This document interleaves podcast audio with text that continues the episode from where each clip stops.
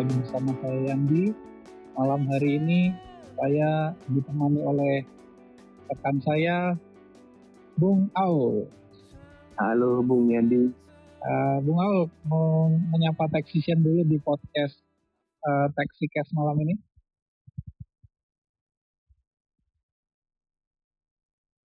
Waduh, sehat selalu mudah-mudahan. Uh, apa kabar Bung? Baik, baik. Bung Yandi apa kabar? Wah, sehat-sehat juga sih di sini. Kerja dari rumah, lumayan. Banyak kerjaan ya? Lumayan.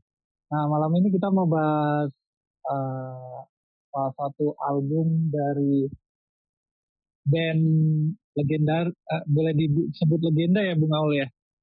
Uh, ya, buat buat buat buat gue sih bisa dibilang legenda lah ya.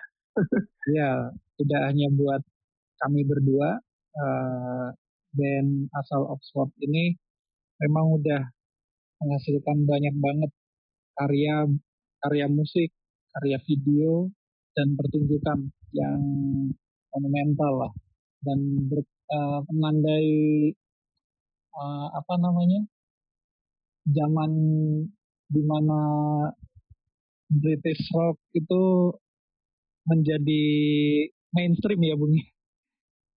Iya, mungkin bisa diperdebatkan tapi ya Radiohead bisa dibilang band yang uh, waktu itu uh, tahun 90-an ikut menaikkan terus bisa dibilang juga ya di 90-an menghancurkan Britpop, Britpop juga nggak masalah ya iya. di komputer. Betul sekali. Jadi uh, taxisian semua uh, kali ini saya dan Bung Aul akan membahas uh, band bernama Radiohead. Kalian semua tentu udah tahu minimal pernah dengar nama dan lagunya. Kemudian yang menarik uh, kali ini kita mau bahas album studio ketujuh dari Radiohead. Uh, judulnya In Rainbows. Nah, Bung Aul sebagai salah satu fans fans beratnya Radiohead nih, kenapa sih Bung Aul uh, suka dan mendengarkan atau bahkan mengoleksi album ini? Bisa ceritain ke Taxation semua nggak? Khusus In Rainbows ini ya? Betul sekali. Oh iya. Uh, In Rainbows album ketujuh Radiohead. Ini mungkin saya pribadi suka ya mungkin selain karena kualitas musik ya dilihat emang kualitas musiknya uh, menurut saya di atas rata-rata kemudian uh, cara mereka menciptakan mengkeras membuat sebuah lagu itu hampir selalu berevolusi dari tiap albumnya jadi uh, yang beda tapi salah satu satu-satunya yang bikin beda Indian Blues ini dari album-album uh, Radiohead lainnya ataupun mungkin album-album band modern rock lah ya jadi ya. ini pionirnya eh, bayar sesuka hati ya kalau nggak salah gitu istilahnya ya iya betul sekali. Hmm. jadi uh, Taxation semua uh, pasca berhentinya kerjasama Radiohead dengan label gede EMI di setelah album terakhirnya apa ya Bung Al ya? Ya, tahun 2003 ya mereka praktis nggak punya belum bekerja sama dengan label mana pun. Sampai pada akhirnya posisi ketika In Rainbows akan dirilis nah Radiohead itu ASU ya, apa itu namanya? Ya, pokoknya pokoknya bayar, bayar sesuka hati ya. bayar sesuka hati lah. Jadi uh. memang salah satu fenomena musik pada saat itu ya. Iya, uh, kreatif di segi pembuatan musik, musik kreatif juga di segi bis. Iya, jadi uh, gua salut. Pionir lah kalau menurutku. Iya, yang gua salut waktu itu memang uh, strategi mereka ini uh, termasuk apa namanya mendobrak pada saat itu udah iTunes sudah masuk belum ya? Uh, ada, ada mungkin ya iTunes ya, mungkin kalau untuk iTunes ada ya. Iya. 2000 berapa itu ya, sudah ada iTunes. Sudah ada iTunes ya. Ya cuman ya kaget aja waktu itu hampir enam bulan pertama, terutama yang kita yang di Indonesia nih, yang susah nyari albumnya, walaupun Iya. walaupun akhirnya ada XL recording yang lisensinya juga kebeli sama uh, label Indonesia sih pada saat oh, itu betul. Uh, iya betul waktu itu Aksara Records uh, jadi yang beli lisensinya XL Recording untuk ngerilis fisik CD-nya. Oh, fisik CD-nya di di situ ya? Iya, iya. Iya. Nah, kemunculan Radiohead setelah uh, terakhir Hell to the Thief itu 2003 ya? 2003 kalau nggak salah ya. Iya. Nah, di 2007 mereka kan merilis uh, In Rainbows ini. In Rainbows. Ya. Uh, yang lo lihat uh, di produsernya kan masih Nigel Godrich ya. Nigel, Nigel Godrich. Godrich. Ya.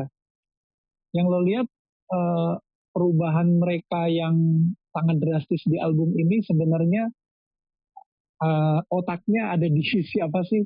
Apa sih Greenwood bersaudara atau Uh, kalau dari khusus untuk album ini, ya. mungkin yang kelihatan uh, kalau dari dari komposisi musik ya ini bukan bukan soal ahli atau apa, tapi ya. kalau ngelihat dari uh, apa namanya komposisi musik terus uh, porsinya, porsi bermainnya, yang paling banyak kontribusi itu uh, Tom York, terus uh, Greenwood bersaudara, Phil juga, Phil juga, yang mungkin agak agak sedikit itu malah si Ed O'Brien. Iya. Nah, dia kalau nggak salah waktu itu di London apa di mana? Pernah baca gitu, dia lagi di London. Beda sendiri, yang teman-temannya udah ngumpul di studio di Oxford apa di Sheffield di mana nggak nggak nggak ingat. Yeah. Tapi kalau nggak salah Edward itu kayak contohnya misalnya di uh, Edward O'Brien tuh paling cuma 20 detik kali ya main gitarnya. Biasanya main dengan tamborin atau apa itu namanya? Iya. Iya. Uh, sedikit sih, tapi uh,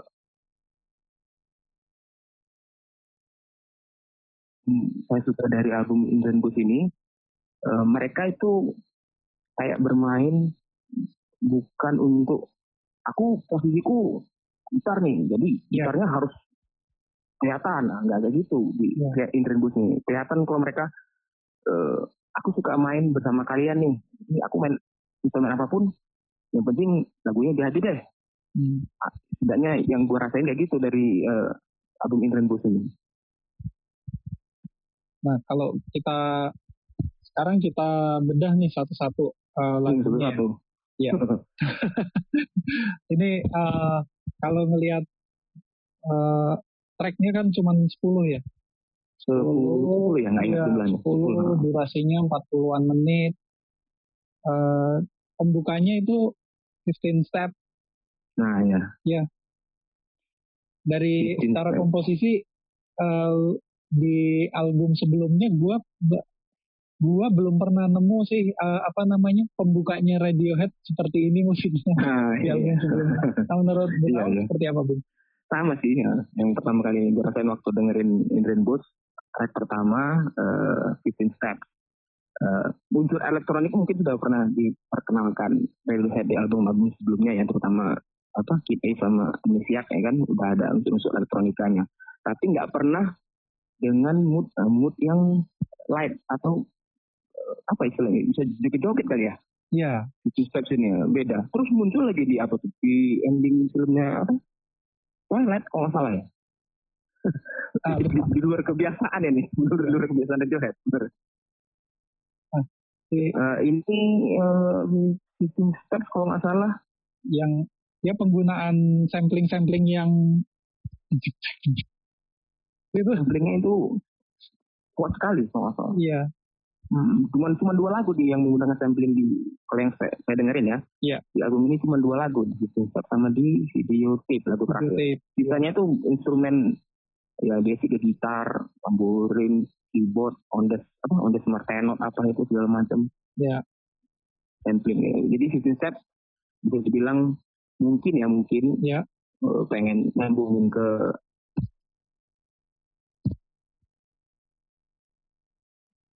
uh, amnesia terus ya. hal hal detik sebelumnya. Jadi biar nggak kaget kali ya. Iya. Jadi mungkin begitu sih. Iya.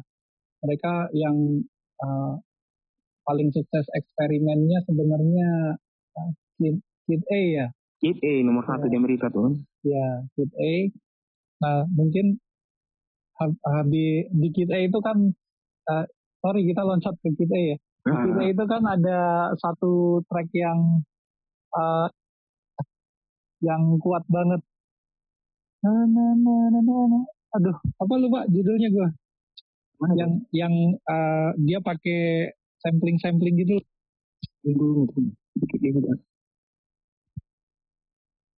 Uh, lupa gue Bung Aul. Yang jelas track track 15 step ini memang jadi jembatan buat apa pen, pendengar lama dan baru ya. Nah iya kalau menurutku gitu sih biar komunikasi. Jadi pertama uh, ada untuk pengingat lah penyambungnya. Kalau menurutku gitu. Ya.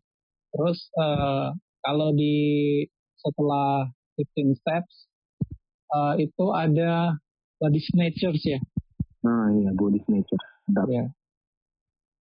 Sedap, oh. sedap semua sih sebenarnya.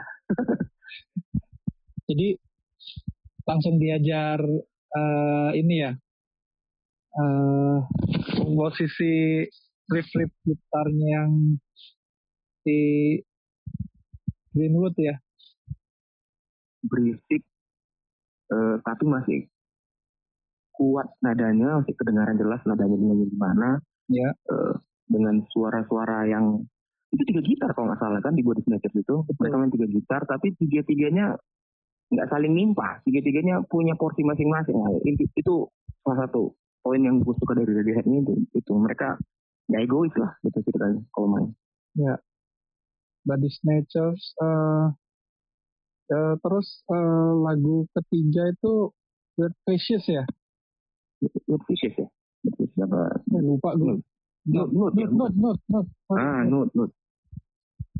Note mungkin kalau penggemar lama ngingetin kayak lagu-lagu balad Radiohead zaman dulu kali ya kayak kayak No Surprises gitu ya. Iya. Dan uh, uh, setelah gua cari-cari informasinya, hmm? ternyata Mood ini uh, original uh, basic tracknya memang direkam sekitar tahun 97, Bung. Oh, iya. Jadi memang pada saat itu mereka ya. Jadi oh. memang kalau note itu ternyata yang tracknya apa agak slow uh, gitu kan? Jadi keinget itu. gloomy gloomy gimana ya? Gloomy ya. Keinget uh, era-era itulah. Paranoid an, eh, apa uh, album Oke okay Computer gloomy gloomy tracknya. Kayak apa kayak lagu-lagu gloomy di mana? Di kayak komputer itu di uh, ya kan? ya terus uh, apa namanya uh, penggunaan gitarnya juga kalau gue lihat eh kalau gue denger ini ya di track note ini cuman apa namanya? Sederhana ya? Iya, sederhana banget. Nggak banyak efek-efek kayak lagu-lagu dari Radiohead. Malah kalau menurut, menurut gue nih ya, ya. Kayak, kayak ada terkesan agak ngejazz ngelon sedikit gitulah, sedikit agak-agak ada unsur-unsur ngejazz gitu cara main gitarnya. Ada beberapa lagu sih kalau menurut gue yang gue agak-agak ada unsur jazznya kuat itu di Mood, di buat Pieces RPG, ya. Rek Reconner ya, Reconner. Reconner. Uh, Reconner. Ada tiga lagu itu loh kalau menurut gue kerasa lah gitu unsur-unsur jazz lounge yang gimana gitu. Mungkin susah jelasin ya kalau Radiohead ya. Berat, berat. Lebih enak dia ngomongin aja, didengerin aja. Didengerin aja memang. ya. Nah kalau uh, dari tiga eh tiga track itu kan tadi udah lo jelasin ya. Nah hmm. elemen-elemen uh, di lagu lain seperti uh, terutama di track uh, yang lagu-lagu bagian-bagian terakhir ya kayak Jigsaw sama oh, ini iya. yang uh, apa namanya? Yang beatnya itu beat sama ininya satu keseluruhan lagunya itu secara ini ngangkat banget itu. Menurut lo di album ini selain itu ada nggak bung? Lagu yang benar-benar mungkin yang favorit kali ya? Iya. yang favorit kalau gua lagu favorit Radiohead di album ini. Dan kebetulan emang lagu favorit gue sepanjang masa di antara semua lagu yang pernah gue dengerin. Hmm. lagu favorit gue nomor satu itu buat Versus RPG ya Nah, itu Lagu ini- lagu kenapa lagu ini berkesan banget buat bung Aul? Eh, lagu ini dia eh, gimana bilangnya? Eh, dia dia dimulai eh, dengan apa main gitar yang sederhana lah ya. Ketika Iya. ketika sederhana sederhana terus eh, Tom York nyanyi juga pakai suara head voice yang kadang-kadang head voice kadang-kadang tukar jazz voice memang udah ahlinya dia lah gitu kan Iya. terus eh monoton main gitar kan monoton gitu saja Betul. tapi eh Ed sama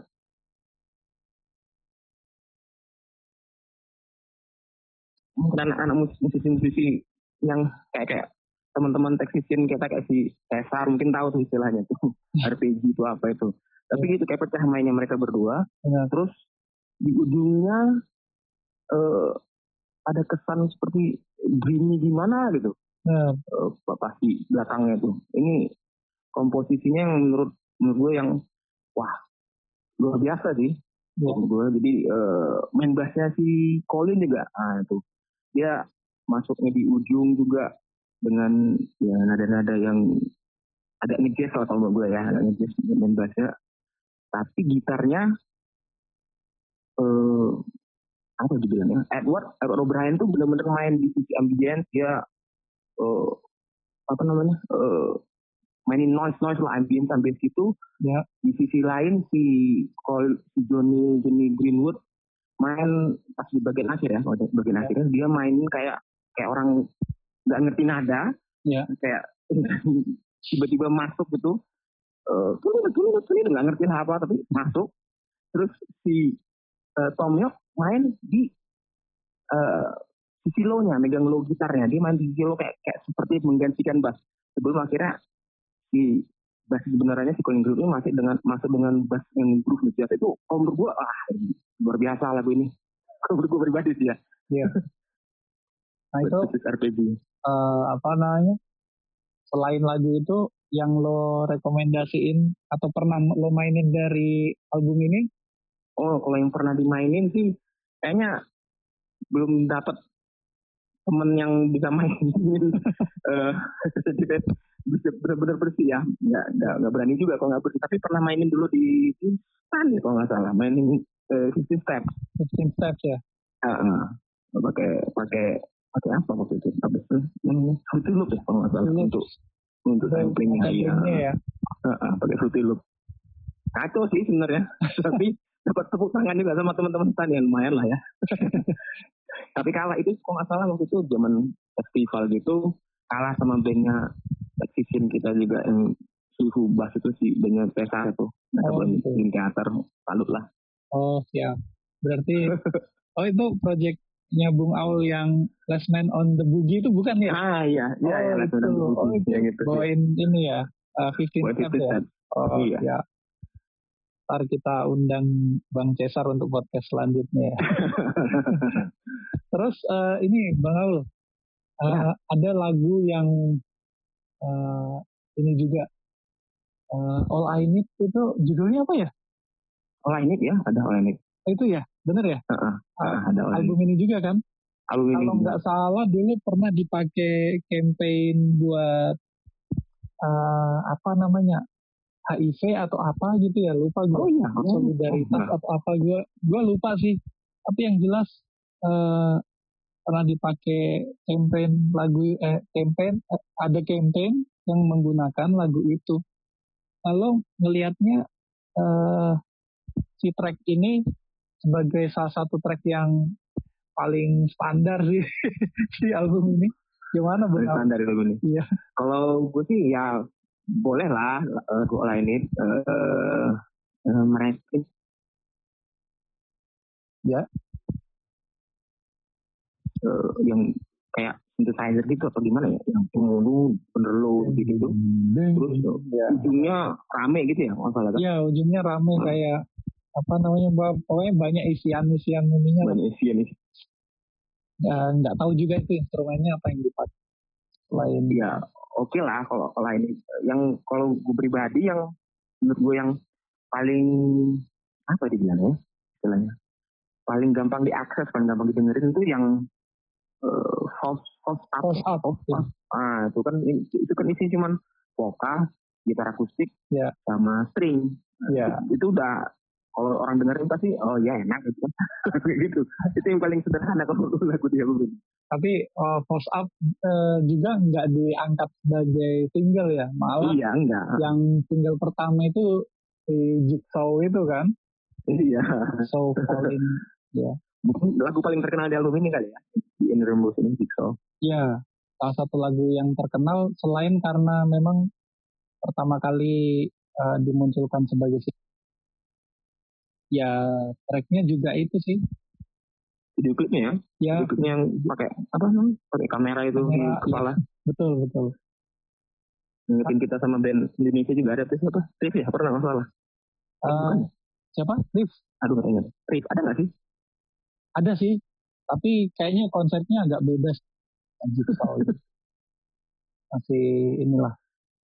Nah, kalau secara tadi kita udah bahas kan uh, lagu-lagu sebagian besar lagu-lagu di album ini termasuk lagu-lagu penting dan paling berkesan buat uh, Bung Aul dan penikmat musik, terutama fansnya Radiohead. Nah sekarang gue pengen bahas uh, ini pendapat Bung Aul tentang uh, apa namanya uh, perannya si Nigel Godrich untuk hmm. uh, ini, pokoknya menata band ini sehingga keluarin album yang diterima lah, diterima secara komersil maupun secara artistik. Gimana Bunga? Uh, kalau kalau Nigel, gue gak gitu paham gimana dia perannya ke Radiohead. Cuman bisa kerasa bedanya uh, kalau kita dengerin Radiohead, terutama dari uh, album uh, Oke Komputer ya, yeah. komputer ke sini gitu, hmm. ke belakang. Eh, oke komputer ngambil gue dekat ya iya. Aduh nggak nggak ngomongnya juga gitu ya. Nah, nah, jadi itu hmm. kerasa bedanya kalau mereka main live sama mereka uh, versi album. Iya. Nah, mungkin. Jadi kerasa sentuhannya Nigel Godrich itu di beberapa instrumen di beberapa, beberapa aransemen kayak uh, kalau khusus di Rainbows misalnya yeah. kayak di lagunya hmm, Reckoner Reckoner yeah. Reckoner itu di ujungnya kalau di versi album itu mereka isi pakai string, benar-benar string. Jadi uh, sangat dominan stringnya di, di bagian akhirnya itu seperti sepertiga sepertiga akhir lagu itu string dominan di situ. Tapi kalau kita dengerin versi mereka live, ya itu suara stringnya malah sama sekali nggak ada.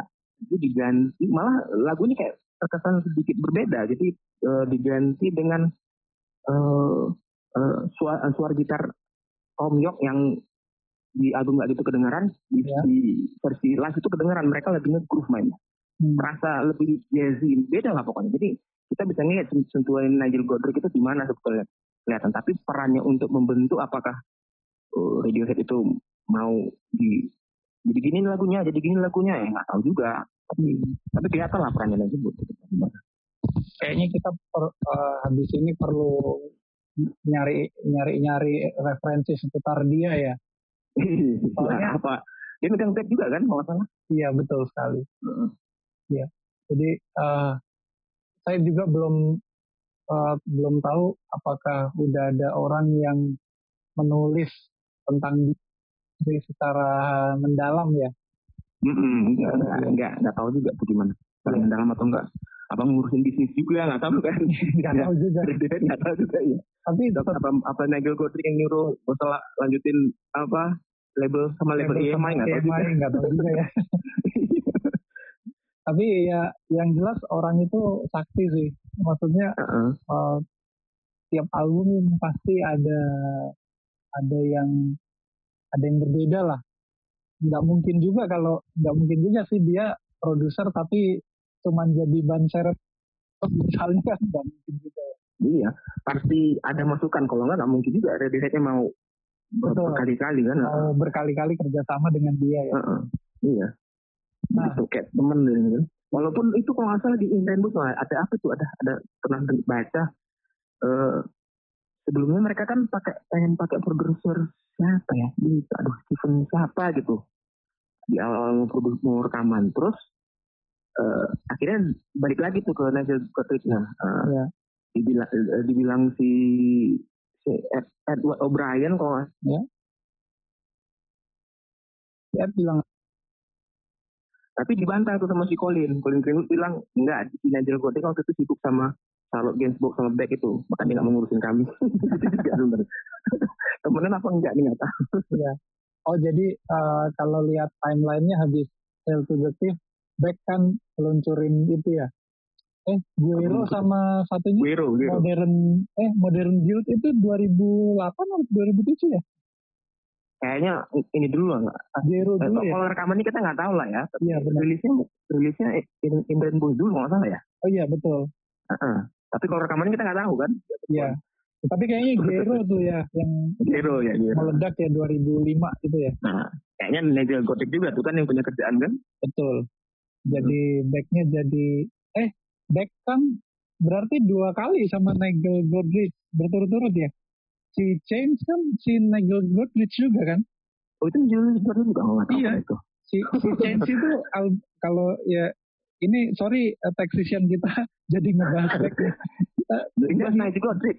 Iya betul. Jadi si back album si James itu kan uh, beda banget ya. Do, uh, ya, jadi ya. lebih balad, akustik gitu-gitu. Iya iya. Ternyata pas gue lihat kontennya perannya Godrich si orang ini rupanya. ya oke okay lah nanti berarti ada sesi berikutnya lah ya. Nah sekarang tadi kita udah bahas album termasuk tentang lagu-lagunya gitu bang. Nah terakhir yang paling penting sebenarnya uh, artwork. Artwork, oh. Nah, nah uh, kalau di artwork sendiri kan uh, kalau yang versi digital mereka kan main font itu ya. Iya, in rainbows, in rainbows, in rainbows. Terus ada ini, ada backgroundnya itu kayak uh, apa namanya? Gue nggak bisa jelasin sih, cuman kayak ada cat warna-warni gitu lah. Kayak ada itu kuning terang di belakangnya atau, atau galaksi atau apa. Iya, gue nggak tahu itu apa uh, apa maksudnya gitu kan.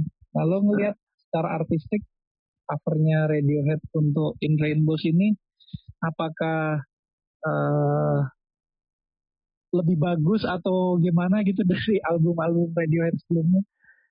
Kalau uh, In Rainbows ini kenapa bisa berkesan sem banget sama gue ya? Ya. Tadi dari sisi lagu, terus lagi dari sisi mereka produce, marketing, penjualan. Nah dari sisi artworknya nih sebenarnya berkesan karena menurut gue paling jelek nih artworknya. Oh gitu ya. seluruh, album. Tapi eh apa? Bukan paling jelek uh, amnesiak dia. Tapi yang buat ini sama satu orang doang ini. Oh gitu. Apa namanya? Iya dari al album Radiohead dari uh, Pablo Hani sampai ke yang terakhir Moonshake Pool itu satu orang yang buat namanya Stanley aduh siapa namanya lupa. Stanley Do Do Stanley D gitu lah yeah. namanya. Satu orang semua yang bikin jadi uh, ada juga uniknya mereka selain dalam bandnya mereka juga tidak pernah berganti-ganti personil kan? Iya walaupun udah tiga puluh tahun ngeband sama produser juga gitu orang-orang itu juga terus sama yang bikin artbook juga gitu satu orang aja tuh jadi hmm. ini benar-benar kayak uh, passionate projectnya mereka lah jadi mereka hmm. nggak hmm. nggak terlalu sibuk untuk ngurusin uh, uh, bakal disukai sama orang apa enggak jadi yeah. kayak termasuk artworknya ini kan kalau artworknya dibanding apa ya yang sebelumnya lah Hell to the yeah. itu kan kalau menurut gue ya yeah. keren tuh artworknya yang album apalagi amnesia tuh keren tuh artworknya sedang Pablo Hani pun menurut gue lebih keren daripada Indren Bose ini paling jelek menurut gue tapi uh, apa namanya kalau entah kenapa nih kalau kalau sekarang ya kalau kita melihatnya yeah. sekarang nih uh, taruhlah ini cover album di Jajar atau kita buka oh, ya. buka ini uh, display di digital itu Indra yeah. itu salah satu yang paling menarik perhatian loh. Iya benar-benar kalau itu ya jagonya si Stanley itu lah. Jadi kalau misalnya kita ada di ini gue ngerasain bunga lo waktu jadi waktu uh, awal-awal 2013 kan ke toko plat gitu kan. Nah Hmm. kebetulan ini uh, King of Limbs rilis nih. Oh, King of Nah. Limbs ya. Di situ di toko plat itu dijejer katalognya Radiohead yang lain tuh. Oh, Computer, Amnesia, entah kenapa orang itu lebih apa mata gua sih lebih ter tertarik ke visualnya In Rainbows iya. Warnanya kan? warna Warnanya sama cerah. font sama fontnya itu loh iya Apa lucu ya? lucu nih in rainbows in spasi rainbows gitu gitulah kayak ya itulah Mungkin mau nyocokin sama ini judul juga kali ya, In Rainbows itu buat warna-warni gitu. buat warna-warni Nah, Memang kalau dari segi visual itu paling cepat kalau dijajarin semua semua album Radiohead ya paling Ya. gampang kelihatan tuh ya In Rainbows emang ya paling eye, eye catchy ya kalau catchy uh, paling eye catchy. Tapi paling jelek sih kalau menurutku. cuman ya memang eh, kalau gua secara apa namanya konsep seni Cara apakah marketing itu sukses besar. sukses besar dan Iya. eh, kalau kita buka info terkait In Rainbows Grammy juga ternyata ngasih penghargaan ya. Ke Oh iya. album ini benar. Jadi Ah. kayaknya ini eh, apa album ya walaupun penghargaannya cuma satu kategori kalau nggak salah ya. Apa aku lupa best alternatif atau apa gitu. Oh iya. ya bi- biasalah Grammy kan semua dipajang di sana kan. Tapi eh, sebagai eh, salah satu penyelenggara penghargaan musik gua rasa memang eh, nggak nggak salah sih ngasih Malah. ya ngasih In Rainbows penghargaan untuk kategori itu mengingat kalau 2007 petanya waktu itu eh, termasuk campur-campur banget gitu ya Bung Ya, antara band band lawas sama band baru gitu ya. Oh iya iya. 2007 yang lo inget selain Radiohead apa sih? Nggak inget. Nggak inget udah terlalu lama. Gue inget ingetnya cuman LCD Sound System gitu-gitu. LCD System 2007 ya? Ada yang album eh, Sound of 2007 ya? Silver, eh Sound of Oh. Silver lupa gue. Atau setelahnya 2007 ya, 2007. Siapa aja Oh, gitu Block ya? Party Lupa. album 2 gitu kali ya. Em, Oh mungkin ya. Heeh. Ya kayak kayak gitu kan musik-musik Nggak nggak ada 2007. Foo Fighters apa Coldplay gitu nggak ada ya? Waktu itu. Eh, dua Mereka kan yang ngajin bikin album tuh. Coldplay malah eh, nggak bersamaan kayaknya sama In ya? itu. Nggak. Coldplay album Viva La Vida itu 2008 atau berapa? 2008 ya. Oh iya iya beda tahun. Di 2007 memang eh, tahun yang unik ya. Ntar kita jadi ngulik lah apa Iya peristiwa siapa apa aja di tahun itu. ya, siapa aja lawan yang itu. di tahun itu. Yang jelas bagi gua dan Bung Aul uh, In Rainbows ini wajib dengar lah ya. Semua. banget. Heeh. Iya. Untuk nambah nambah apa ya? Nambah bu- kalau apa namanya kalau misalnya eh apa istilahnya koleksi mungkin udah dengerin Radiohead ya Ya, tapi kalau untuk yang pendengar awam Radiohead gitu Ya. sebelum masuk ke album ya kalau dibilang orang ya kayak dibilang apa eh, Rolling Stones itu kan the best album of the decade ya A kan sebelum masuk ke A mungkin masuknya ke benerin bus dulu lah kali ya. Ya, biar lebih biar sebelum terjun langsung ke A jadi biar kenal dulu Radiohead itu sebenarnya kayak gimana kan musiknya. Benar banget. untuk gue wajib wajib denger dulu sih Benerin Bus ini. Oke, terima kasih Bung Aul. siap siap. Eh, Taxicast malam ini akhirnya selesai juga membahas Radiohead album In Rainbows yang dirilis tahun 2007. Mudah-mudahan Taxician semua em, mengikuti dan menikmati podcast kali ini. amin Eh, saya Yandi dan Bung Aul eh, izin pamit undur diri.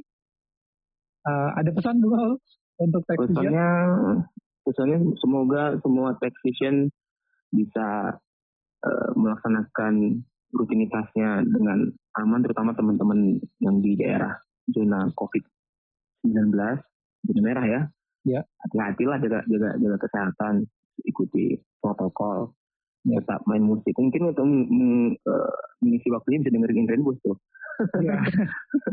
Ya. tetap promoin ya Iya. Oke Bung Aul, salam buat Siap, siap. uh, keluarga dan taxation di Sumatera Utara satu dan ya. dua. ya, tetap bermusik ya, Bung. Ya, ya sama-sama ya, Bung. Ya, oke. Okay. Akhir kata kami berdua undur diri. Uh, selamat malam, salam bermusik. Sampai jumpa.